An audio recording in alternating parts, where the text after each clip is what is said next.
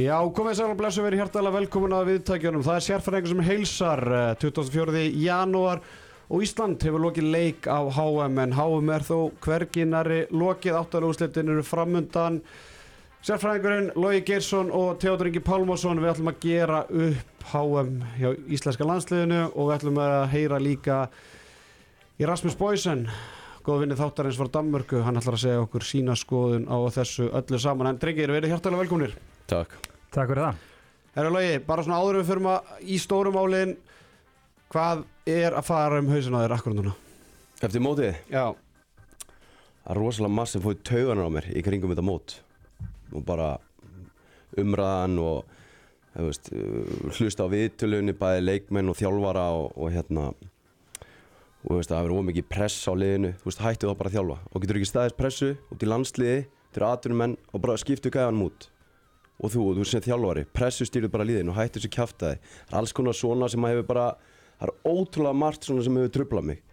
Og hérna uh, bara svona lítið dæmi að því við förum kannski betur auðvitað eftir. Að hérna, auðvitað maður svektur, maður er vons, vonsvíkin, maður er mikla væntíkar hann bara svona enginn tók ábyrg Bjarki kemur eftir ungurarleikinu og segir klikka þremur skotum og auðstundu þetta er ekki það sem fer með leikin, það tekur enginn ábyrg á neinu svona hlutir trubla mig mikið, þú veist Björki ætlaði að vera að fórseta á miðið móti og svona ég bara það er svona hlutir sem sita svolítið í mér. En auðvitað var bara spilamennskan eins og hún var en við tökum þetta bara uh, á eftir í róleitunum eitthvað frá því að þetta er svona sem er að enna pyrraði Persónlega er náttúrulega bara þessi ungarleikur að pyrra með það Já, sko. já, þetta og, og svona ég tek undir það sem að Lógi er að segja um mér svona kannski það sem að kannski pyrra mig mest er bara svona bara meðvirkni, það er bara svona orðið sem kemur upp í hugan, það er bara meðvirkni gagvart uh, bara hjá fjölmjölamönnum bara frá hérna uh, þú veist, það má ekki spyrja þjálfaran út í eitt eða neitt og, og hérna einhver, einhver hræsla og loksins kemur einhver með alvöru spurningar og, og þá einhvern veginn fer hann alveg í baklás mér bara líka bara svona meðvirkni hjá þjóðin einhvern veginn, það er bara svona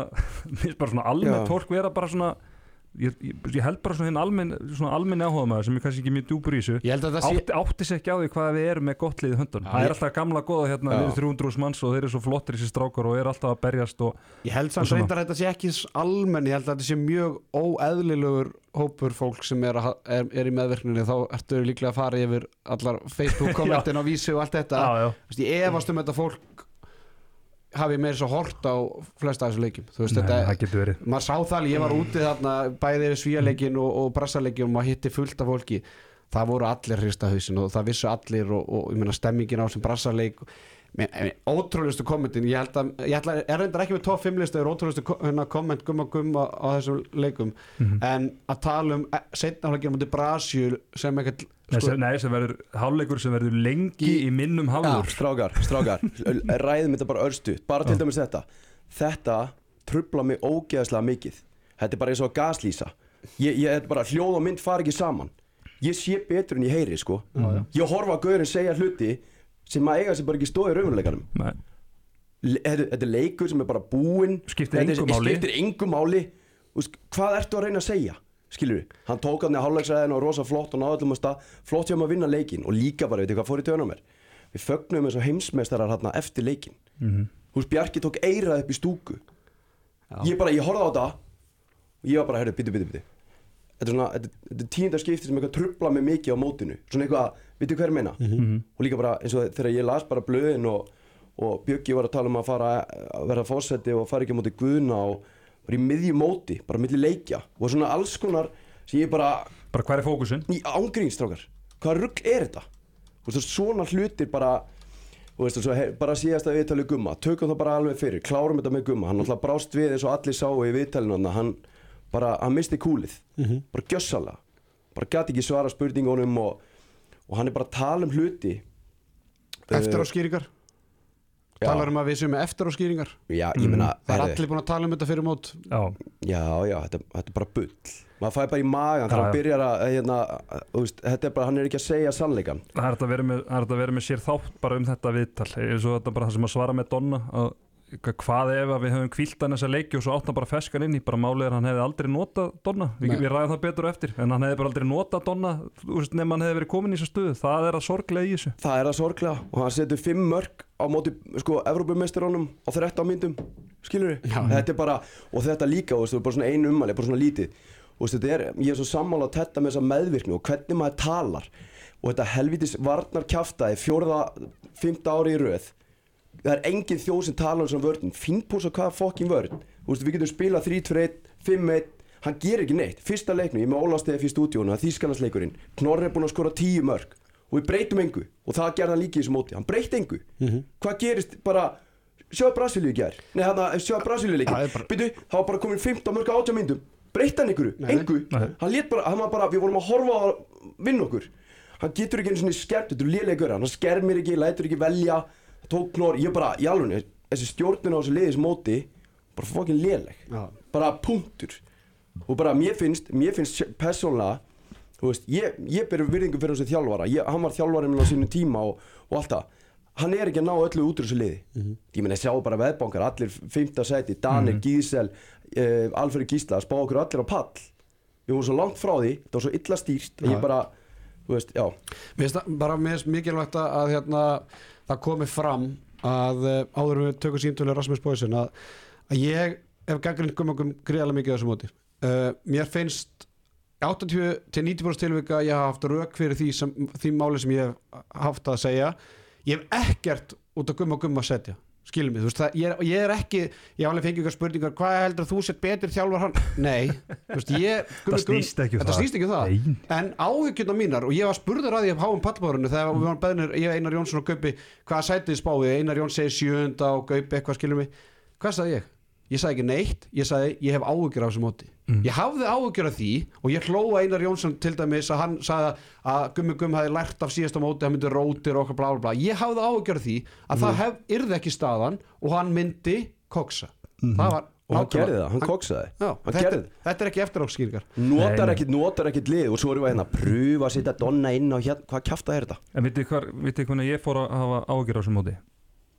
Það var í viðtalinu eftir, var það ekki eftir fyrirleikin eða setnileikin móti þjóðurum þar sem hjólar í Óla Steff Mm, þú veist, þegar að fer að hérna bara svona, hann var bara ekki jafnvæg í því viðtali. Já, skilur við bara hvar er ef, þú- missir hérna ef þú missir stjórnarskapiðinu í, eftir einhvern æfingarleik mm. fyrir mót bara hvernig er spennusbyggðið á þjálfarunum og, og þar með tali liðinu réttur í mót? Þú veist ef að, ef þetta er sem þú býður upp á því viðtölum sko. og svo þetta ofmatast reyna að komast langt og hann alltaf að þrýsta öllu niður ég minna þetta er bara, svo segja hann núna sem að var líka, það kemur hérna uh, viðtal við Stefán Átna á vísið það sem hann er að spurja hann og hann sagði og það var bara, hvað hefur getað breytt ykkur betra hérna í ungaraleiknum hann breytir ekki neinu, hann fraus Já. í þessar 80 mínútur sem þjálfari. Já. Aron stegi ekki upp, það var alls konar sem gerðist. En hann fraus vörn og svo, herðu hann svarar í þannig. Það var svo mikið pressa á liðið herðu, ef þú getur ekki pressu stýrt þessu liði drullar það, þú skilur hættu sem þjálfari þá. Mhm. ángríns, ef, að- ef þú ert að kenna pressunni á liðið um árangur þegar allt fyrir hundana þá ertu á algjörum villigutum með þetta lið. Punktur. Og líka bara þessum margar umræðar í þessu þú veist, hann er að þjálfa í Danmörku skilur, hvar er fagmennskan? Okkur eru ekki með hérna, ég man þegar Geir Sveins og þeir voru þeir þurftu bara að vera í fullu starfi. Hvernig var þeirra Alfred Gísla um okkur? Það bara, herri stráka, við erum að fara á HM að senda hérna á alls konar þjálfar sem maður er haft maður var alltaf að fá okkur að punta og þetta var allt árið verið að senda manni. Kerfin, dótið, veit ég hvað við ég veit ekki hvernig þetta er núna en ég held bara að það sé miklu meiri fagmennska í því að vera bara landsleitshjálfari Og veit ég ég men- hvað við og ég menna hann hann er náttúrulega ráðin þannig uppalega er það ekki, eða hvað? jú, Nei, er- jú, er- jú, jú, hann er áðan þannig uppalega Já, Herri strá, við erum konur til Danmörkur Hello, it's Rasmus. Hi Rasmus, uh, this is uh, Teddy Ponsa here from Handkastið Hello. Hello, do you hear me? I hear you. Yes. Yes, uh, thank you for take, taking the call. I'm sitting here with a specialist and, and uh, a special guest, former handball legend Logi Geirsson. Current, current ha- handball legend. Hi man Yeah. Uh, Hello. Rasmus, uh, just we're just gonna dive into it. Uh, Iceland, uh, not what we hoped for uh, before the tournament. We here in Iceland. What did you think of the Iceland performance in the tournament?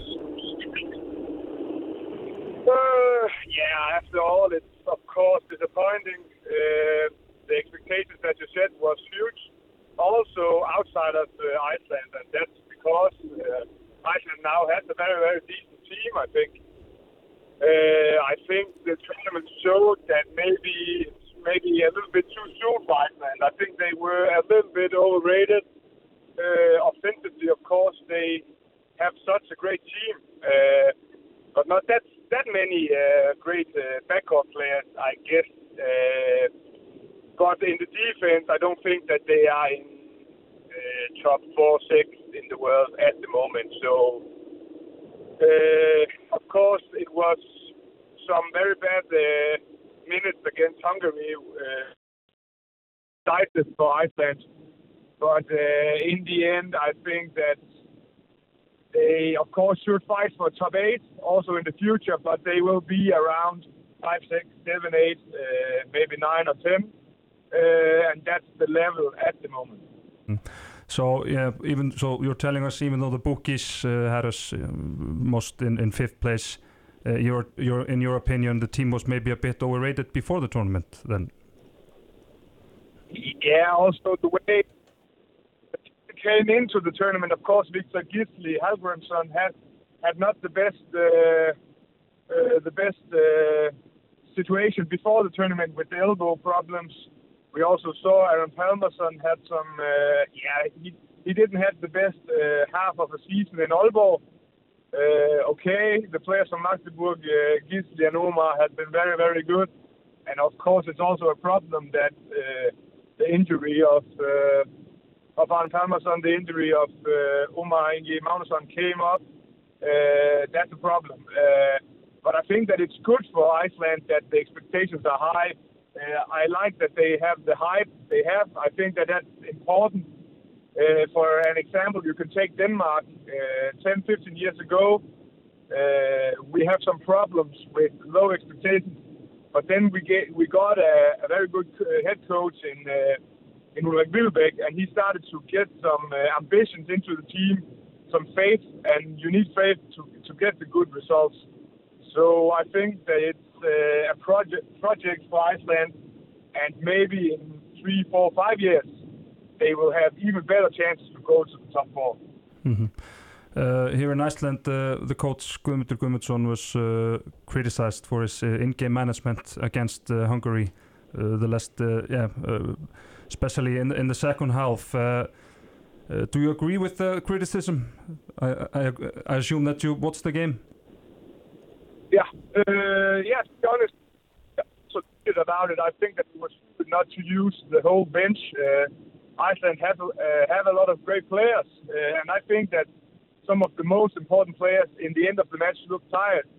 And when you also uh, afterwards know that some of the players had some injury problems, I think that it would be uh, even more wise to use a lot of players also in the beginning of the tournament. Also due to the fact that we have seen in the last couple, of championships that Iceland uh, have had some problems uh, when game five uh, or six is, is coming because of uh, using a few players throughout the tournament. And the last uh, t- tournament with uh, uh, COVID 19 also showed that uh, Iceland actually has a lot of great players and they need to use a lot of players throughout the tournament to, to get the results they need. So, uh, yeah, in my opinion, uh, it was not the best plan that Gudmundur had made. Uh, Uh, thank you so much, Rasmus, for taking the call. Uh, and uh, yeah, uh, hopefully for your sake, Denmark, Denmark will do well. But I'm not sure that everyone in Iceland hopes that. but all the best to you, Rasmus, and thank you for taking the call. no problem. Thank you. Thank you. Bye bye. Já, uh, Rasmus fór þarna vel yfir uh, gang eða bara gengi íslenska landsleisins á HM Já, við spurðum hann í lokin aðeins bara hvaða liðan hann hérna spáði áfram í undanúrslit og hvaða liðan myndi vinna en, en hérna því miður datta svolítið út út af hann var greinlega að keira þarna í dönsku umferðinni. En uh, Logi, er eitthvað þarna sem að svona, þú, þú greifst á lofti? Já, Frá- ég meina hann sömmur þetta fáranlega vel upp sko, fannst mér. Mér finnst bara, þú sjáu hvað hann er mikið inn í þessu og hann talar um breytina allir að tala um breytina, hún er loksins komin og hann notar hann ekki. Og hann var bara að spotta allt sem við erum eiginlega að segja sko. En ég meina hann, og ég skil hann svo sem alveg vel þegar hann er að tala um hérna, herðu hérna, það eru mörg góð lið þarna. Og honum finnst við vera kannski að með mikla væntingar og, og allt þetta. Og það er svona voru ákveðin flöggarna rétt fyrir móti, Viktor Gísli og svona. En við erum ekki að ná því besta út úr liðin okkar. Og það er það sem að hérna, skiptir svo miklu máli og ef við horfum bara og ég er að horfa á Nant spila í, í, hérna, í Champions League og ég er að sjá Viktor Gísla með alvöru vörd fyrir framan sig sem er að vinna með hotnum og svona það er ekkert í gangi í okkar, okkar liði. Þetta er, þetta er engum greiði gerður að spila þessa vörd mennur, tvær myndur, skoðu bara síðasta leik. Fimm sunnum út af Donni er allir aftan í öllum og veist, við erum að hérna, fáum okkur 22 mörg markmenninni klukki ekki eitt bolta þetta er allt dauðafæri þú veist, af hverju erum við að spila þetta? En svo var líka svo ógeðslega góði punktur að kom fúsi að því fólk er bara farið að kalla þetta. Þegar það er farið að sjá skiluru hérna, umtalið og svona fúsi kemur bara strax eftir leik. Gummi gumm að tala um mismunandi útvæstur á vörninni og heldur virkilega að fólk sjá ekki munin á því. Hann er samt ekki með plan B í vörn. Annars hefði hann spilað 5-1, 3-2-1, 4-2 5 plus 1 eða annarkot vangin þú veist, svo segir hann hérna hann þarf að axla ábyrð og döpur skipla og slöku gengi. Fólk er farið að kalla bullið. Fólk sér þetta, hann er, hann er ekki að segja sannleikan, Fúsi spilaði þessa vörð sko, Fúsi var í liðinu hjá honum. Hann var í miðunni veist, og, og ég, við erum að fá svona upplýsingar sem eru bara ekki réttar. Algjörlega samanlóð og ég menna það má ekki glemma því að við erum að fá tö- 22 mörgum mót okkur á móti Brasilíu. Skiljum við og þeir voru að sundur spil okkur og það sem mm -hmm. og er að segja ég menna ég veit ekki hversu oft Brasilíu voru að taka ykkur hotnælýsingar það sem kom bara byllandi yfirtala. Ok og vissulega ég, ég held það og, og ég, ger, ég ger mig grein fyrir því að íslenska vörðin vill vera í yfir, veist, vera, vera yfirdekkaðar þeim megin sem boltin er. En þá var bara Elvar Örd Jónsson og Bjarki Már Eilsson þeir voru bara ekkert að tengja. Þegar einlýsingarnir voru að koma frá vinstri þá voru þeir alltof langt frá þristunum sem að fjær þannig að þá var bara bullandi yfirtala skiljum við þannig að Elvar fæslan var bara ekkit betri heldur en, heldur en þetta. Og þeir eru settir í stöður sem góði varnamenn eru bara ekki lengur góði varnamenn Nei, nei. Mér finnst bara Elvar ekki eins og virka sem varnamæður Nei, Ég er að horfa á hann með Melsung en hann er að jarða hvert leikmenn og fættur öðrum. Hann er ákveðinu strúktúr Við erum á algjörum villigötu þarna og það hangir allt saman. Markvarslan, hraðeplaupin Við erum ekki að fá þetta. Nei, við erum bara ekki að spila upp á styrkleika mannan sem við höfum. Og ég meina að við bara horfum á þetta móti í hilsinni sko. Þú veist, það sem að mér finnst líka svolítið sláandi þegar maður horfir á þetta og kannski kom mest í ljós í leiknum á móti svíum hvað við erum ógeðsla slappir á móti þegar liðir að keira aðra og, og og þriðju bylgjuna sko. Þegar við erum að fara upp Nei, þegar þeirra, þú veist, þegar þeirra koma hratt Á okkur, já, já, já. hvað við erum lengi, lengi að reagera lengi að koma okkur í veist, sem mútið svíunum, við vorum sem hafa þvílít fyrir hverja einasta marki þú veist, kannski 40-50 sekundar sóknir mm bæng þeir skora til þrjá sekundur hversu Mhm. oft gerist þetta í þessum leik? óþarlótt bara Já, og svíjar eru með sko, í, þeir eru sjá þetta hraðmiðju Þetta er flottasta settur sem ég séð Gottrússon triplar, horfur á línumannin Gefur hægri, hann speysar gólfið Svo taka þið 2 og 2, skilur Þeir eru með strúktúr. Mhm. Hvernig er strúktúrun okkar í setnibylgju? engin, Engin engin Hann gefur á elliða? Hann í hlaupi fram, línumann Elvar. með tvo fyrir fram að sig. Elvar gaf á hann. Já. Ég horfði á þetta, ég bara Er þetta grín? var með hotnamenn með sér sko fría til Já, hliðar Hann en- gaf á línumann á, Ég horfði á þetta og ég bara, herðu Það er svo mikið að, það vantar svo mikið strúktúr í þetta Að þetta er bara, þetta er bara illa uppsett Ég ætla að fara aðeins yfir tölfræðina því að ég held að það sé alveg nokkuð ljóst að, að Ísland dettur úr leik á HM eftir tap gegn Ungarum í öðru leik. Förum aðeins í fyrsta leik þar sem við vinnum Portugal í hörkuleik. Við notum 12 leikmenn á, á hérna í þeim leik, 10 útileikmenn og 2 markmenn. Ómar Ingi Magnússon spila 60 mínútur í þeim leik. Aron Pálmarsson spila 53 mínútur og 20 sekundur. Janus Staði Smárásson, miðumannum með 2 hjá Íslandi, spilar 3 mínútur og 10 sekundur. Hákon Daði kemur inn á þegar Bjarki má fær 2 mínútur þegar 4 mínútur eftir að leiknum. Óðinn Þór Ríkarsson, einn heitasti hægri hotnamari í Evrópu, Viggo Kristjánsson, Óli Guðmunds, Arnar Freyr kom ekki við sögu í þessum leik. Portugal spilar á öllum sínum 16 leikmönnum í þessum leik og sá sem spila minnst spila 6 mínútur mínútur og 20 sekundur sem er tvöfall meira en í annu staði sem var áttundi útileikmæri sem kom við sögu hjá Íslandi í þessum leik. þetta er náttúrulega Ok, þetta, þetta, þetta er leikur eitt og þarna byrjar, byrjar rugglið. Þetta er fyrsti leikur á stórmóti Þú ætlar að reyna að komast í áttalegu og jafnvel lengra að býða inn einhverju 6-7 leikir Það er nýju, við vorum að fara að spila nýju leiki Já, ef við allar já. Já. Ok, leikur 2 Ísland-Ungurland 11 leikmenn Íslands koma við sögu í leiknum. 9 útileikmenn og 2 markmenn. Ómar Ingi spila 59 mínútur og 10 sekundur Það gera 190 mínútur á fyrstu 120 mínútum í mótinu.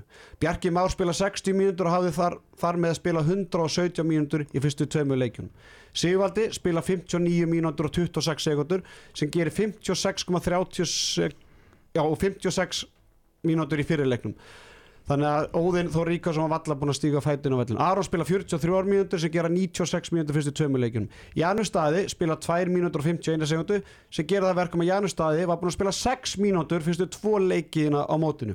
Viktor Gísli kom inn á í 6 mínútur og varði 2 skot en var tekin út af. Óðinn, Viggo, Arna Freyr, Óli Guðmunds komu ekki inn á í þessum þessum leik og voru því ekki komin inn á og Hákon kom, inn, kom ekkert við sögu þessum leik hann hafði spilað 2 mínútur í leiknum undan.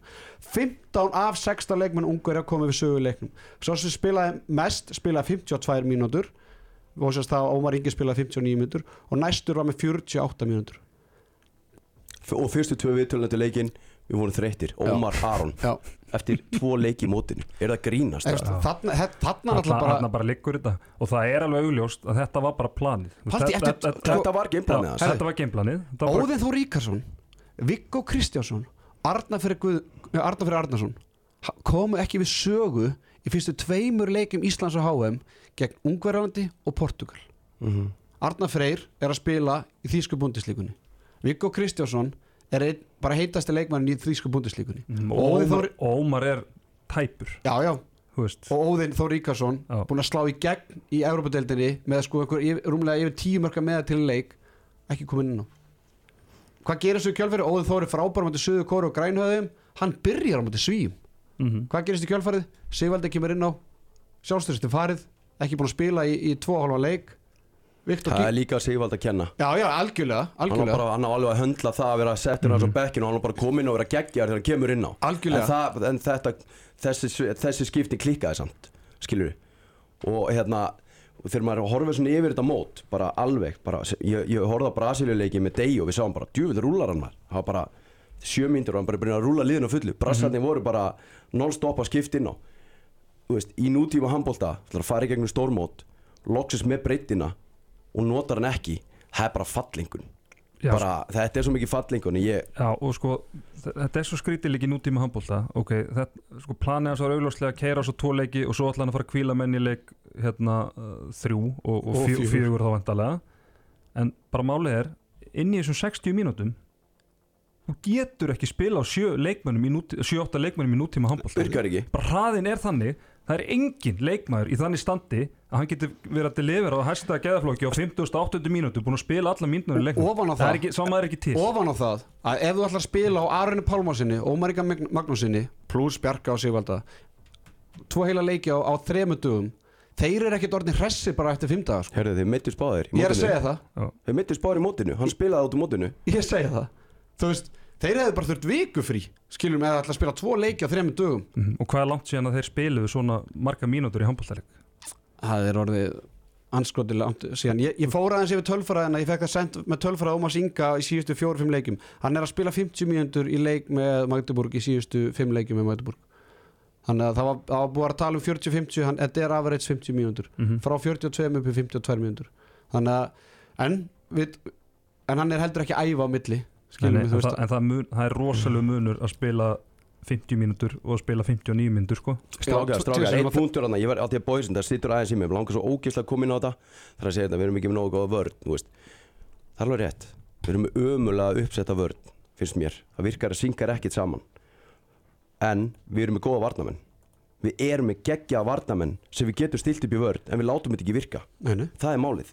Við skermum ekki skittur. Við setjum það ekki til pressu Og bara, þú veist, það er, það er þetta sem að skipta svo miklu máli af Því að umræðan má ekki vera það að Við séum lélega varnamenn Við erum hellinga geggjum varnamennum, sko. Nei, menn, Nei, það meina- var gæði svo næstu komin í afturöldingu hérna sem bara var að hérna, láta okkur líta því lítið út sko. Er Pakka- hana. eða píta, hvað heit hann, pakka okkur saman þannig að vinstri skítan Ok, förum aðeins hérna í, í leikstöðunar og áfram höldum við að ræða gengi íslenska á Íslands háum. Uh, markmennir, uh, ég spyr þið, Logi, voru það mistök að gera Björgum Pála markmenn nummer eitt í fyrsta leik? Ég hefði alltaf spilað með Við erum alltaf vinnum fyrsta. Núna það plan hefnaðist bara. Mhm. En ég meina, ég náttúrulega vildi sjá miklu meira frá Viktor í þessu móti. Ég var að horfa á hann í Champions League Og ég bara, tveimur mánuðum áður Ég trúði þess ekki. Hann var að grípa frá Landín og Nei, frá hérna Hansen Og hann jarðaði Álaborg, Kíl Þetta var ótrúð að sjá þetta. Ég var að sjá um þetta PSG bara Þeir skoruðu ekki hjá honum. Það er hann bara með vörn og þeir horfið á munin Þeir myndi horfa bara einn hálfleik Bara nants Það sem er bara með tvekki metra gæða Og þeir eru bara að stilla af og láta hann fara í sitt hotn og svona. Geðveikur í markinu. Það virkar ekki okkur. smá tölfræði varandi markvæðsluna við erum með 42% markvæðslu utan að velli 35 varin af 83 ef við förum síðan aðeins í aðra stöður við erum með 9% markvæðslu úr hraðablöpu við erum með 2 hraðablöpu á 22 við erum með 20% markvæðslu á línunu við erum 7 skot af 35 við erum með 15% markvæðslu á vítunum við erum með 4 af 27 og svo erum við 25% markvæðslu úr hotnum við erum 7 hotnarskot af 28 hvað segir þessi tölfræði okkar? markvæðinu voru að verja skot fyrir utan Mhm. hversu mörg skot fyrir utan þetta eru 83 skot á utan í 6 leikjum þetta er ekkert Já. rosalega mörg skot fyrir það utan er mjög lítið þannig að þú veist þarna bara þarna gefur augalega þarna er vörð og markvæðslega ekki að vinna saman þarna er þetta ekki að vinna á, á styrkleikum hérna markvarðar Mhm. ég veit þetta er Það svolítið er einhver markmanni greiði gerður að vera fyrir Nei, vörn. nei, Ég er að nei. segja ykkur það ég veit ekki hvað svo að þetta ég er eins og- dauðafæri á mótum Ég er eins sko. og rispu plata með þetta En þegar ég sé þetta fara í aftur í sama farið Þá sé bara, herðu, þetta er búið hjá ykkur mig Þú ert ekki að fara, þetta, þú ert ekki að fara áfram með þetta lið svona það er, Ég bara sé ekki framfærinar í þessu en af hverju var Viktor frábæra síðasta móti? Hann var einn. Björki Já, á og, einn og við bökkum með vörðum við, við bökkum, vorum já. ekki- við vorum ekki að spila þess að hérna, Strákar, við bökkum í ungarleiknum Já, Já, og uh, Við seinna- bökkum í setna álíki ungarleiknum Þar fættist þetta. Mhm. Það byrjaði hann að loka, fekk sjálfströstið og Já. úr frá því var hann markmaður mótsins og við bökkum líka í síðasta leiknum núna til Brössul Hann var í úrvalsliði mótsins gæinn Já. sem að getum valla, sko, hann er ekki með 20% markvæslu núna. Þú veist, en, ég, en ég skil alveg að þú vorst að spyrja Loga ef Já. ég má svara þeirri spurningu Já. líka þá skil ég að hann hafi byrjað með bjögga í markið Ég sammála því. Ég skil það, af því að hann er, þú ert með genalpröfu sem er þessi leikir á mótið Þískalandi Já. þá ætlar hann virkilega að nota þá til að ko- koma Viktor í gang og þá bara gekk ekki en meðan Mhm. bjöggi var heitur skilur ég ætla, ég ætla að koma þannig að það er alveg skiljanlegt. Já, ég er, svona, ég er svo, sammála, ég var spurðaræðið fyrir mót og ég sagði nei, Viktor Gísli mun byrja, hann er markmaður nummer eitt. Þannig að það komi gríðalega óvart að Björgun Páll hafi byrjað. En út frá því hvernig Björgun vinn spilar þessu móti hann var bara nokkuð góður í fyrsta leikumóti Portugal og ekkert við hann að sakast í leiknum móti Ungur þó að þetta hann hefði kannski þurft að stíga inn þarna í setnáleik þegar allt mýg lag. En, en eina ástæðan fyrir spyr er þarna bara þú veist, þú ert með einn efnilegasta markmann í heimi skilum þú ert með markmann sem er 38 ára? Já, hann er að vera það já, Já, 85 sem að spila bara í Íslandi. Viktor Gísli hann fjall á prófunu hann fekk tækifæri til að vinna sig aftur inn. Já. hann fekk tækifæri að koma hann inn á kom oft inn á og hann hefði getað að spila miklu betur sko. Já, Men ég sé bara, ég ætla samt að ég, ég er þannig og líka með vörnina og svona, ég, ég ætla ekki að henda strákonum fyrir rútun allstaðar, bara vörn og markvöldunni, að því mér finnst konsepti lélegt. Ég er, sam, ég sammálaður af því að ég hef margóft sagt að ég dæmi ekki Arna Frey Ími og Elliða út frá því hvernig vörn Ísland, Ísland spilar á þessu móti.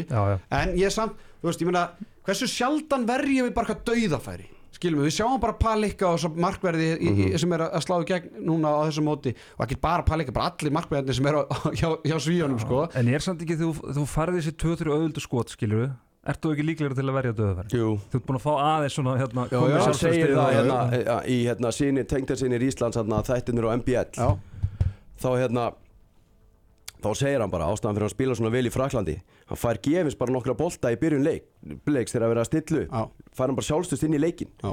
Þarna þú byrjar að fá á og ég sá líka Bjögga eftir tímyndur, tíu mörg og hann var ekki búin að verja eitt og svona, þetta Þess- er bara ekki nógu gott. Mér líður stundum eins og íslenska, íslenska markverðinir séu eldingarleik og völlurinn er allt Ísland skilum það er bara, þú veist, menn geta verið út um allt Ísland þeir eru bara leitandi að eftir einhverjum boltum sko. þetta er ekkert auðvöld og jú, jú, svo stundu kemur einhver auðvöldu bolti sem að svo bara, þá verði það ekki. Eða skilum við, mér var spjöggi, sérstaklega í svíjarleiknum alveg geta tekið 2-3 bolta þarna fyrir utan var bara ekki með. Já, ég með þú ert Mm. kannski 0-7 skilur þú veist, eftir að fengi bara hérna 7 döðafæri á þig. Það líður er- ekki frábærlega, sko. Svo, er- erum við Bjögga 38 ára, búin að drepast í bakinu var ekki viss hvort það myndi spila, Ágúst Eli komin Mhm. síðasti leikur. Verði ekki blöðru, hvorugur nákvæmlega, síðasti leikur Bjöggi er að svona, sigla í síðara árin sín þetta komið með markmann þú veist, það var ekkert undir í þessum Brasilíuleik skipti engu helvits máli okkur setur hann ekki Ágúst inn? Bjöggi er búin að drepast í bakinu, leifur hann að spila þann leik. Horfa hans til framtíðar og íti nýjum strákum og reyfa þeim að prófa að taka eitt game Viktor Gísla og, og Ágúst Eli bara sem dæmi sko, ég fannst það mjög spes hann skildi ekki fá að taka síðasta leikin Sammála. Förum hérna í, í vinstra skiptustöðuna uh, Þetta er ekki að hodna menn Jú, jú, ég tekið allt hérna í allt saman, slaka á Pimpulfamp Uh, Logi, þú segir í þungavettinu fyrir mót að þetta mót væri móti sem Aron yrði að sína hvað hann gæti. Mm. útkoman er hver? Skelvileg vonbreiði Önnur spurning, miða við feril Aron Pálmarsson í félagsliðum er landsliðsferil Arons ekki ein stór vonbriði? Mm, jú. Bara í stórmótum og tölfræðin og hann er ekki búin að halda út stórmótin það, ég, aðeins honum til varnar. Þegar hann var að koma hérna hann, þegar hann var að koma inn í landsliðið þá var alltaf verið að nota 15-15 í öllu liðunum sínum. Í Barcelona, í Vesprem allstaðar sem hefur verið, líka í Kíl sko ég, gæti þegar ég fór að skoða þetta lengra eftir í tíman svo kemur hann bara í landslið og bara fyrstu þrý leikinu og hann bara inn á í 55 myndir sko. Það er bara drullu erfitt. Og líka bara, þú veist, þegar maður fer inn í svona stórmót bara fyrsti leikur, bara taugakærið og allt í gangi á manni. Veist, en þetta, þetta voru svo mikið vonbreiði og skip, minnstu skiptu staðan þetta er fucking königsposisjón í Þýskalandi þetta er bara, þetta er kongastaðan þetta er bara rusl á þessu móti á okkur. Kom, ekki, kom ekki markaðna það var, það var ekkert að frétta þarna. En er ekki hérna, það er oft talað um að línumannstaðan sé veikleik íslenska landsliðsins. Er ekki vinstri skiptan veikleik íslenska, íslenska landsliðsins? Jú, Þú veist, við getum ekki, þó að Aron Pálmarsson eigi frábært mót Þú veist, við getum ekki átt bara eina vinstri skiptu Við getum ekki verið með Óla Guðmundsson sem varamenn sem ke- snertir ekki í parketti fyrir í þriðarleik mótið Suður Kóru svo bara þarf að vippa sér upp og fá vít og, og þú veist, láta menn koma og draga úr stöðunum sínum og þú veist, ég sé Janus að vera, þú veist enn einn, sko, orustu flugvilina í Já. þessum aðgerðum, ég bara þú veist, ó, mér fannst líka, ég veit ég skoruðum hellinga mörgum, þetta var met ég, ég var einmitt búin að komast mótið að móti Suður Kóru grænhöða yfir á Brasilíu sko. Já, 34 mörg pluss í leik.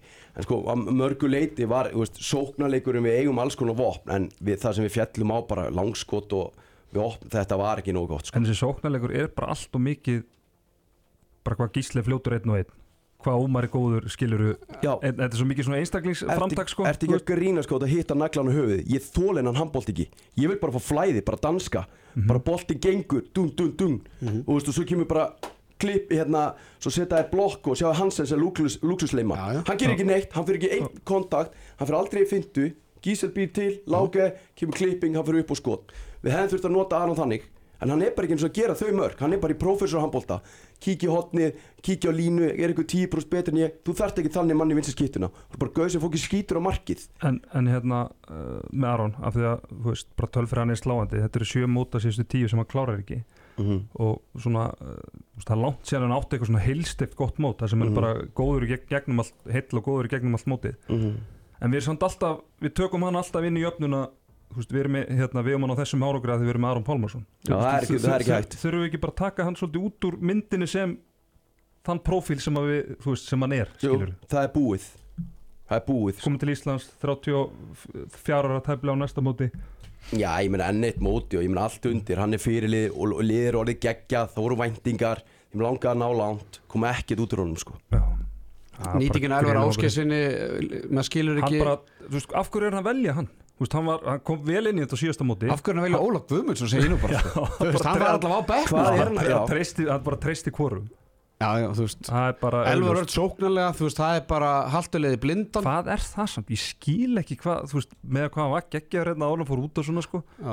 hann alltaf er kannski bara ekki veist, hann er, hann er, hann er góður í sko í hérna setnibilginni, Samt ekki þessu móti. Ekki á þessum móti, hann Nei. hefur, hefur sínt okkur Já, það. já, það kemur, þú veist, En jú, svona- í, í, í setni álegandi bara sem að skora tvö mörk Já. og setni bylgju og er en, áraði en hann hefur sínt okkur það, en svona í uppstildi sóknarleik þá hefur hann bara ekki til lifira fyrir landsliði sko. Nei, nei, alls ekki. Alls ekki, sko, þetta er bara mér, ég, ég vil stimpla þessi vinstri skiptur sem bara veikusta stöðuna í íslenska landsliðinu. Ég, er, ég nenni ekki að vera að benda alltaf Arna Frey í í ellið og, og, í mig. Ég þetta eru mennið sem ég hjartaði vörninu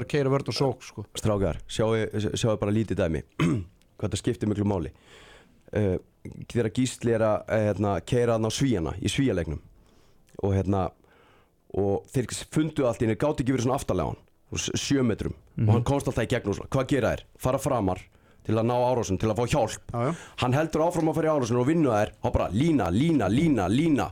Bara fjögur línuspil Og sama við minnstu skiptuna Ef þú ert ekki að koma í skot og ert ekki með ógnun og ert ekki að vippa þér upp og taka úr náttúrulega stóðinu sinni þá ertu heldur ekkert að opna línuna þetta er, þetta, þetta er ógislegt nóð ég, mér finnst þessi sóknarleikur þessar endalusu fyrsta skrifs árásum frá Gísla og svona veist, það þarf að vera meira það þarf að vera meira flæði. Þú getur ekki byggt upp sóknarleiki heilaleik á þessu. Þetta Nei. er fínt svona í kapla og skilur eða þarf eitthvað svona, þú þarft eitthvað svona nokkur óti mörg skilur, e, hérna, einangrað fyrir gísla láta hann fara einn og einn og svona að sprengja þetta upp. En sko, bæði hann getur þetta ekki í heilaleik mm og bara varnamenn skilur reagera. Þú Já. verður að hafa eitthvað annað. Ég hitti hérna fyrir um landslismann í, í Svíþjó og, og rætti við hann í gott korter eftir svíjarleikin og, og hann spurði mig bara spurningu Arnar, hvað, hvað, er, hvað er nýtt í á Íslandi frá síðasta móti? Og ég eitthvað svona þá svara hann bara ekkert.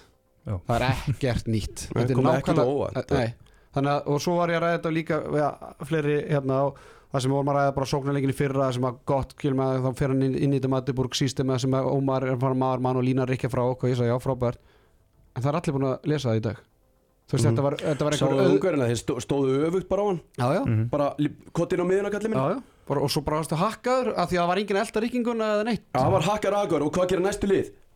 Næstu lið, það bara grænið að þeir stóðu líka svona sko Já, já. Ég meina þeir eru ekki heimskir sko, þeir eru með þjálfara líka Þú veist, þetta var, veist, þetta er rosalegt sko. Förum í hægri skiptustöðuna það sem að eitt besti leikmæri í heimi Ómar Ingi Magnússon uh, var spilaðar eins og ég sagði hann fyrir fyrstu tveimur leikjunum 60 mínútur. Uh, Viggo Kristjánsson kom ekki í sögu fyrstu tveimur leikjunum og Kristján Ört Kristjánsson leikmæri sem að ég talaði um í pallbórinu fyrir móta er því svona óvæntasta stjarnar íslenska landslýsins hann byrjaði utan hóps í fyrstu þremur leikjunum. Ómar Ingi, Ómar Ingi Magnússon greinlega meittur á hásinni og uh, er með svo þrýhöða Hann náði sér aldrei á strik þannig, hann var, þá er ég að tala um hann náði ekki þeim hæðum sem hann náði í fyrra. Nei, en, en þegar hann var inn á þú veist, þá var hann með 6-8 stóðsendingar Já, ég meina klá, klára hann á portugalsleik fyrir okkur og já, já. En, en nýtingin á, á Viggo og nýtingin á Kristján Erdi Kristjánsinni það er svona stærsta spurningin fyrir mér. Eða skilum við Ómar var bara meittur skilum við, hann var bara, það var, hann var notaður kolvittlust, kol, kolvittlust Viggo náði sér aldrei á strik. Mhm. það er bara eins og hann hefði einhvern veginn verið bara ekki bara rétt stiltur Kristján Kristjánsson gerði nákvæmlega saman sérfræðingunum bjóst við fyrir mót. Mm frábær í, í þessu mm. setnafleikum móti svíjum Mhm. tekin út af þegar það er yfirtala. Ma- maður skilur það, kemur ekki aftur inn á? Hann kemur svo aftur inn á Nei, þegar hann kemur, hann kemur svo ekki strax aftur inn. Viggo klikkar tveimur skotum og, og gefur eina línusendingu bak við bak og við fáum hraðabla við baki og þá er Viggo tekin út af. Donni byrjar á myndi Brasilíu og enda sem markaðist í leikmaður eh, nei, Bjarki kláraði að reynda þarna með síðasta markinu sem hann fagnaði upp í, upp í stúku. Uh, þetta, hægri skiptustæðan þetta var svona, eins og ég segi, við náðu ekki alveg þessu flugi sem að við vorum á vonstættir Nei, og það er náttúrulega líka bara hvernig, hvernig þetta er notað, skilur, ég minna Viggo á síðasta móti, þú veist, hann spilar helling, þú veist, það er líka bara, þú veist, þá ertu bara í hlutverki, skilur, hvernig Mhm. átt að, það er miklu erfið að performara ef þú ert ekki veist, þú veist, ef, ef að Þú veit Viggo að meina Gummi það bara drepið hann þess að fyrsta tvo leikin Já. Já, Já, það er en- lítið dæmi, munið þegar Viggo kom en nei, hann Óma kemur og fer ekki inn í færið. Já, já. Mhm. þegar hann var bara búinn á því hann held í bæði hnén á sér þarna í smá sjó, það sást í sjónvarpinu líka. Svo kemur döðafæri, ég er búin að horfa á hann hann fyrir alltaf inn í þetta í Matiburg, hann komst ekki inn hann gaf sendi ekki hotni hvað tapaði hann mörgum boltum hann það síðasta kortir á móti Ungarlandi, ég var líka bara, hvað er í gangi hérna? Þú veist, þetta var rosalegt en sko, en sko líka bara þú veist fyrirfram að þú ert bara í hlutverki, herru, ef Viggo er bara vitað, herru, ég er að fara að spila þetta tímundu kortir á móti Portugal? Og klára það. og tímundu kortir á móti og ég er bara að klára og þú veist, og meðan bara einhvern veginn þú veist, þú ert alltaf að býða, er ég að fara að koma inn á ekki skilur, svo bara kemur ekki inn á og svo einhvern veginn engun takti þegar að tvei fyrir og svo annað sem ég skil ekki, þú veist, af því að sérstaklega hann er ekki að nota mikið af þessu leikmönnum. Þú ert að velja Donna af því að þú vilt hafa einhverja aðra, aðra vít í sóknarleiknum. Mhm. Ok, ég skil alveg, ok, Viggo er bara meira like for like for Ómar, ok, þú vilt kannski hafa hann til taks á bekknum, en akkur ert ekki bara með Donna líka? Þú veist, það geta alveg komið situation í leiknum þar sem þú þarft einhverju skittu, þetta er eina skittan bara nákvæmlega eins og móti Svíþjóð. Nákvæmlega, þá þurftum við Donna já. og hann skilaði Já, sér Akkurat. sáðu þetta? Og við vorum búin að kalla eftir þessu við þurfum helvitis langskot. Já. við vorum með fæst langskot í mótinu eftir riðlana. Já. og sko það er skúringakunnu liðana sum sko. Ég, hérna, ég, ég heyrði aðteklisverða sögum að heyrði það ímislegt í, í, í Gautaborgin og lendi í ímislegum handtökum í, í Gautaborg en, ég heyrði það að, að Guð- Guðmundur Þóru Guðmundsson, góðvinur minn hafi ringt í Donna áður hann valdi hópin bara svona, blessa Donni hérna, getur þú spilað vörn?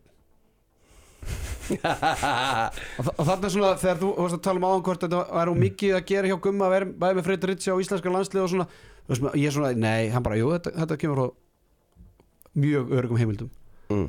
já, ég veit ekkert hvort hann var eitthvað svona uh, Donni, treystur að spila þess að vörn eða uh, Donni, þú veist, eitthvað svona en spurningin var svona Donni, Mm. hérna, getur þú spila vörn? Mm. Bara, já, ég spila vörn hérna hver, hverju einustu viku bakvar í, í frönsku úrastöldinni sko. og er bara en sko, já, svo heyrði maður líka hérna, og svo er hann settur fristin bara á æfingum. Já, maður er að heyra það, það finnst, ef það er rétt þá er það bara uh, mjög alvarlegt og bara galið, þú veist það er bara verið stilt upp í, í tvö lið að vera stilt, upp- stilt upp í taktík og eitthvað, hann hafi bara verið þarna bara setið til hliðar sko. Já, þetta, hann var ekkert einn- það að menna að við förum í línumastöðunum Arna Freyr, hann kemur ekki inn á í fyrstu tveimur leikjunum. Þá fór maður líka að heyra þær sögursagnir að, að hérna, Arna Freyr, ég meina Gummi yrti bara ekki á hann fyrstu dagana í Svíþjóð. Og, ég meina, og svo er annað, þegar svona upplýsingarlogi þú varst í landsleinu, þegar svona upplýsingar það var að leka út úr hópnum, Það er spes. það er mjög spes. Það er mjög spes. Það er ekki gott. Nei, ég held líka bara, við erum að tala ég með um- aðra við sögu, erum- við erum að ég með tala- aðra sögu. Gummi Gumm talaði við Ómar Inga í fyrsta skipti eftir svíjarleikin þess Ómar Ingi meðist í þrjónum sólreika til leik. Spurði hann svona hvað hva þannig eru mannlega samskipti bara ekki í, lægi En sko, býða þessi, ok, þetta er góð- góða punktur. Förum aðeins yfir sko liðið og uh, þú veist, hann kemur hann í viðtalið hjá hann uh, og svarar svona og allir horfa á þetta hann bara fellir grímuna, sjá allir bara, herðu, hann er ekki standi í þetta. Málið er, það er rosa press á liðinu og allir eru með mikla eftirvæntingu. Við erum með geggjaðan hópin á sjötta sett á EM Það er bara þvílitt hæp í gangi.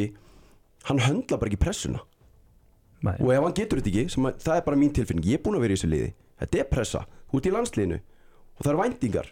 Og bara taktu það, skilur ég held að hann höndlar ekki pressuna. Þú með hann höndlar ekki já, pressuna. Sko af því að hérna, ég sá viðtali hérna Viðar Haldursson, hérna sálfrængi, veit ég hvort það er séð. Það var hérna, hann var með Sorry. grein og var, ég var í viðtali hérna á Rástuði morgun. Hann sem að talar um að, að íþróttamenn og, og þú veist, svona vandamáli er ofta að þeir setja sér of háar væntingar og þegar við sjá fram og ná, náðum ekki þá hérna hrinni þetta, þetta er svo að fara í próf og, og, og nemyndur spyrja akkur fekk ekki 10 þegar það 8-5 þá segir hann, þú byrja með 0 og vinnið upp í 8-5 Þú veist, er þetta ekki bara þú veist að þú varst í þessu liði? Mhm. Þú veist, Já. hugsa topp íþróttumenn svona? Nei, þetta er bara kjaftaði þetta er bara algjört kjaftaði voru við besta lið heimi þegar við vorum að lendi í öðru og þriða seti nei, við vorum með liðseld við gerðum hluti sem við þurftum að gera til að vinna skiljiði og það er svona og hlusta á þetta hana. Ég var svo mikið pressa og, og, og hérna, ofmata á liðinu. Herri, hættu sér það bara, látum ykkur fá liði sem er tilbúin að reyna þetta. En veist, ég koma með annan punkt í þetta? Já, Er ekki, af því að við talum við Gísla Þorgir og Gísli. Þorgir, við, við þekkjum hann, hann er, þetta er bara einlega gæi. Úst, hann kann ekki að vera með einhverju grímu við viðtölum sko. þess vegna elska ég þetta viðtala því ég veit að, að þetta kom bara frá hjartanu. Ertu að menna þegar ég spurði hann hana Já, og, og hann segir þetta bara við ætlum að vinna gullið. Já, Úst, reynslu með, ef Aron eða Bjarki verið viðtalið það verið, þú fengið mér að diplosvar eða eitthvað, skilur Mhm. ykkur reynslu mér eða Mhm. Björki eitthvað, svona reynslu mér leikmaður hefur gefið mér að diplosvar mm þarna, er, er eitthvað trúnaðabrestur bara á milli leikmann og þjálfara skilur, ef að leikmenn er að hugsa þetta svo heyraði þjálfarin öllu viðtölum bara að tala um að hitt og þetta lið og mikið sé pressa á okkur. Og mikið press og hitt og þetta lið sem hann mæta séu svo frábær og það sé bara frábært að vinna hérna, magna lið Brasilíumanna skilur veist, veist, þetta er bara eins og þú sagði að það fer ekki saman hljóð og mynd sko. Nei, það er málið. Veist, og það er bara þeir sem er að fylgjast með þessu. Þeir, við, við sjáum bara betur en við heyrum. Og þessar upplýsingar sem eru að koma til okkar eru bara, rángar mm. skilur við? Og það er bara, veist, það er það sem að mér finnst svo skrítið og í þessu viðtali aðna og segir hann hvað klikka aðna, hefðu þú getað gert eitthvað betur í lokakapla með ungarleiknu þegar hann fröys, völd og svo. Já, ég vil bara vera það að það var svo mikið press á liðinu og hérna, herðu, segðu bara þér og getur ekki pressu, og getur ekki höndla pressu í einhverjum, í þeir sem hafa áhuga á sportinu og eru að fjalla um þetta þú veist, stíðu það bara frá borði mm. og getur þetta ekki. Þú veist bara, þetta er bara þannig. Ég var í þessu liði, ég veit hvernig það er undir pressu. Þetta er erfitt, þú ætlar alltaf að vinna þú vilt bara setja á þig pressu. Þetta er bara hluta af þessu. Ég er á sérstaklega í landslegu og ég ímynda mér, ég hugsaði þetta aðeins úti þegar ég var úti í mér Þú veist, er eitthvað, það er ekkert annað í landslið í heiminum. Bara, ég fel bara bursi frá hvað íþrótt það er.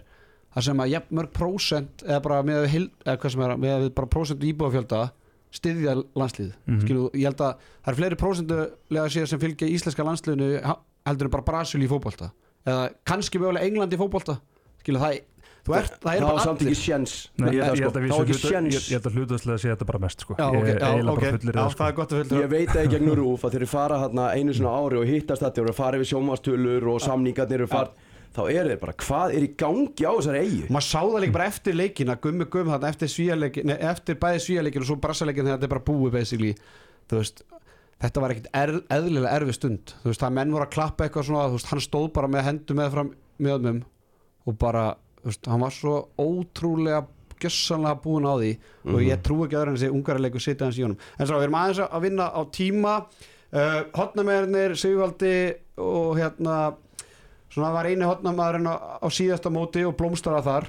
Uh, le- lendir í smá mótlæti þegar Óðinn kemur inn og dettur í náttúrulega þvílíkan gýr bæða mútið sögur kóri og, og grænaðum missir hérna byrjunleysæti mútið svíjum kemur samt inn á í setnaháleik þráttur að Óðinn hafi verið frábær í fyrirháleik með 3-3 og, og, en svona bjarga andlitinu hérna í, í síðasta leiknum móti Brössum Bjarki Már náttúrulega bara eignar sér þess á vinstur hotnastöðu og, og lang, enda sem langmarkaðasti hotnamaðurinn eh, bara ma- markaðasti leikmaður mótsins Mhm. hjá Íslandi, Hákon Dæði spila lítið sem þetta ekki neitt og maður spyr sig, var hann í þessu 16 manna hóp bara Bjarki myndi meiðast eða fá raukt skilur mig, þú veist?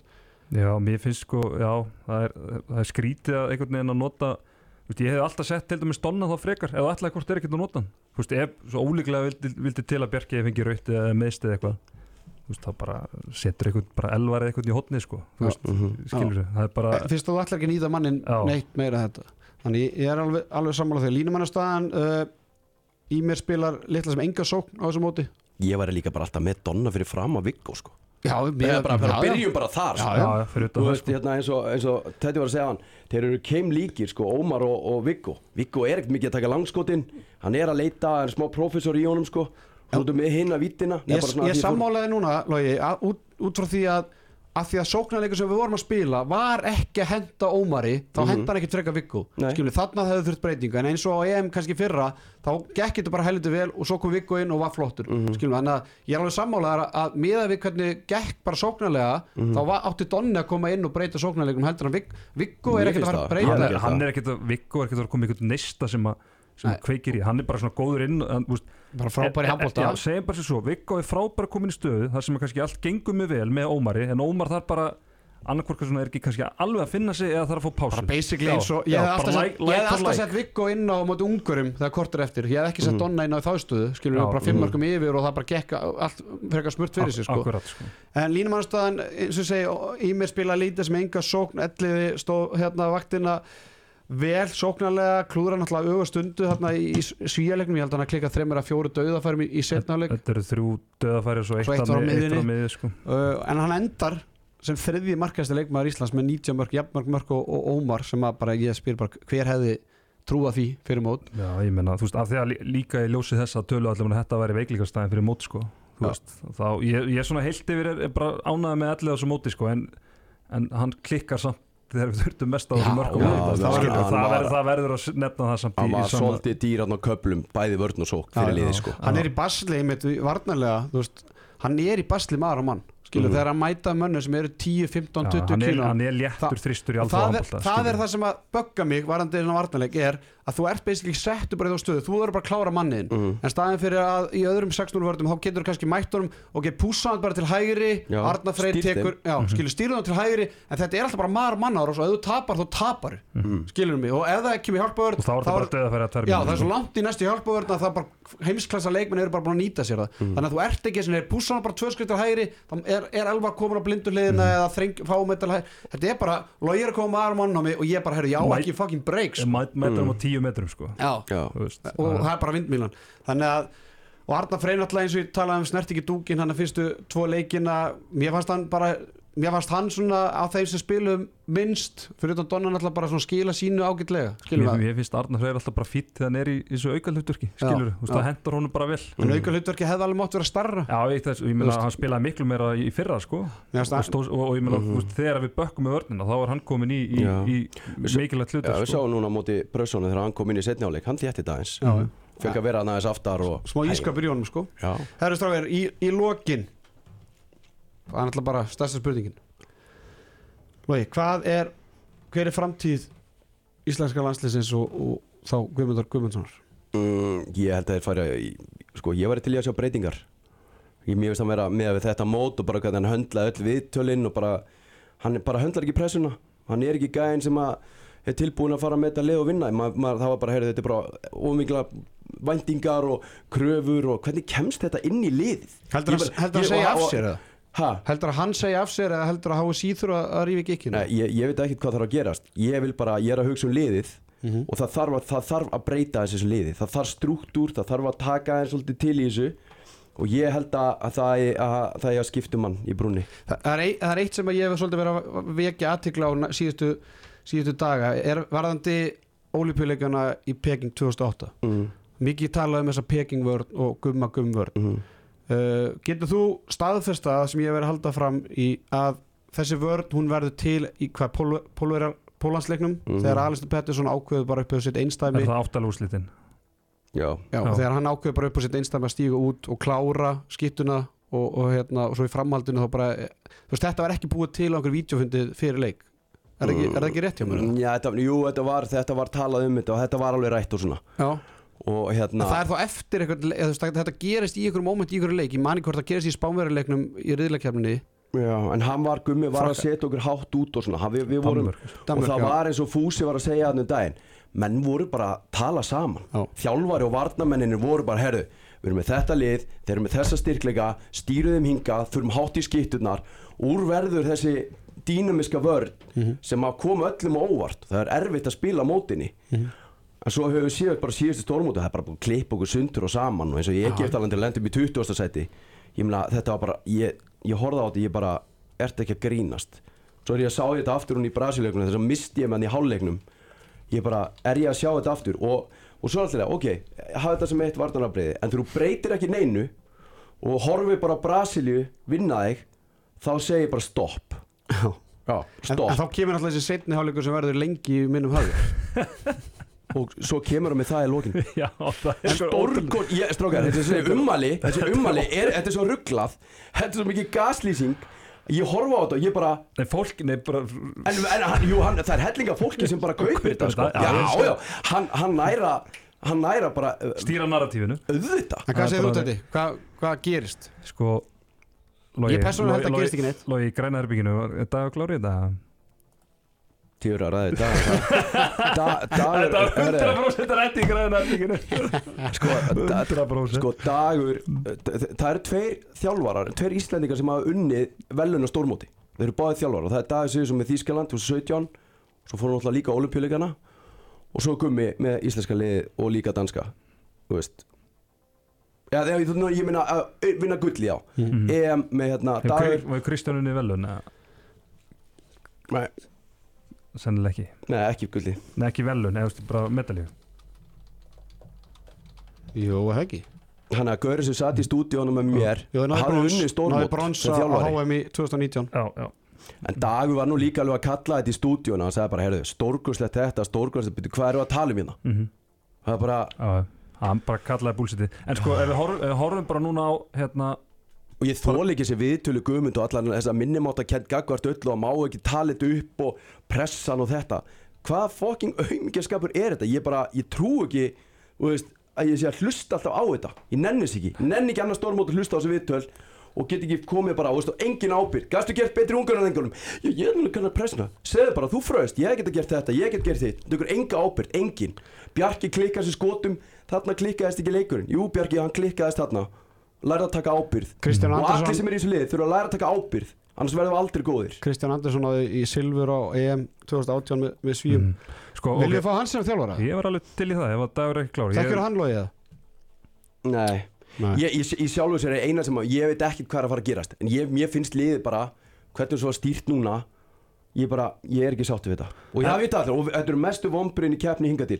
Með að við spár bara fyrir alla miðla þið viti, og við vorum spá 15 besta liðið og 15 besta liðið við endum í 12 með að við alla spár á Betsson, þá voru við vombriði mótsins Mhm, alveg klálega hérna, sko, eins og ég horfði bara á þetta burt sér frá, ef við tökum allar svona hérna, hvernig okkur finnst henni viðtölum og allt þetta í burtu, horfum bara á árangurinn bara Mhm. cold hard facts hérna. Hann tekur við liðinu 2019, þetta er 5. stórmóti hans hann tekur við liði sem endaði í 13. seti og EM árið áður fyrsta stórmóti 11. seti, annars stórmót 11. seti svo erum við í 20. seti 7. seti, 12. seti eins og ég horfði á þetta hann tekur bara við liði og hann er fimm ára setna eftir allan uppbyggingafasan, hann er með á nákvæmlega sama stað út með tvö mótarnir miðinni sem er með öfgari sikkur átt sem er þá bara frávik út er tvö COVID-mót, getur bara hugsað þannig Mhm. bara hérna, þú veist, annað ömulegt og hitt bara gott en in the end, fimm ár þessu uppbyggingafasi sem við að tala um hann er bara með liði á nákvæmlega sama stað og hann tók Já. við og hann tókst ekki það sem hann ætlaði að gera og það er bara staðan Já. þannig að, þú veist ég held maður einhvern veginn, já Ég ver, við verðum að fá breyting á þessu. Mér, mér finnst það, mér langar í nýjan þjálfar ég, ég, ekki, aftur, Og- ekki meira svona. og það er dauðafæri. Ég- maður var ekki, maður er búin að skoða þessi hérna með olimpíu kvalið, af því að við viljum komast á olimpíuleikana með, með þennan hóp og með þetta lið. Það er, við þurfum að vera eitt af tveim efstu liðanum á erbumótinu af þeim liðum sem er ekki nú þegar komin á olimpíuleikana eða ól kvalið og til þess, ég meina, við veit kannski þurfum að lenda í sjötta seti, kannski dugar eitthvað minna, kannski þurfum við að ná betri árangri. Mhm. þannig að þarna þurfum við bara að mæta með alvöru þjálfara sko. Eða þú veist, ég er ekki að segja að gummi sé ekki alveg þjálfari en þú veist, þetta er mómentið þetta er mómentið til að breyta. Þurfum breytingar. Herðu strákar, ég þakka ykkur kærlega fyrir komin hinga í HM handkasti. HM handkasti verður ekki lengra að þessu sinni, ég þakka kærlega fyrir hlustununa í öllu þessum þáttu sem að hafa verið hingað til. Það sem gleður okkur hins vegar og það sem er að gerast framöndan er á Ólisteil Karla hún hefst aftur á laugadaginn með stórleik Harðar og IPVaf síðan er gróta valur í næstu viku frestaði leikur og síðan hefst veistlan öll saman 3. februar handkastið verður að sjálfsögðu með okkur þá og við náttúrulega í setjubilginni þannig að það verður lífa fjör, það er ekki nema sjö umferðir eftir, sjö áttu umferðir eftir og, og þá byrja, byrja náttúrulega bara næsta veistla það er náttúrulega úslutakefnin í, handbólta stærsti íþjórta viðburður á Íslanda á hverju ári. Sérfræðingurinn þakkar fyrir sig Lóði Gersson, takk fyrir komin og Teddy Póli, takk fyrir mig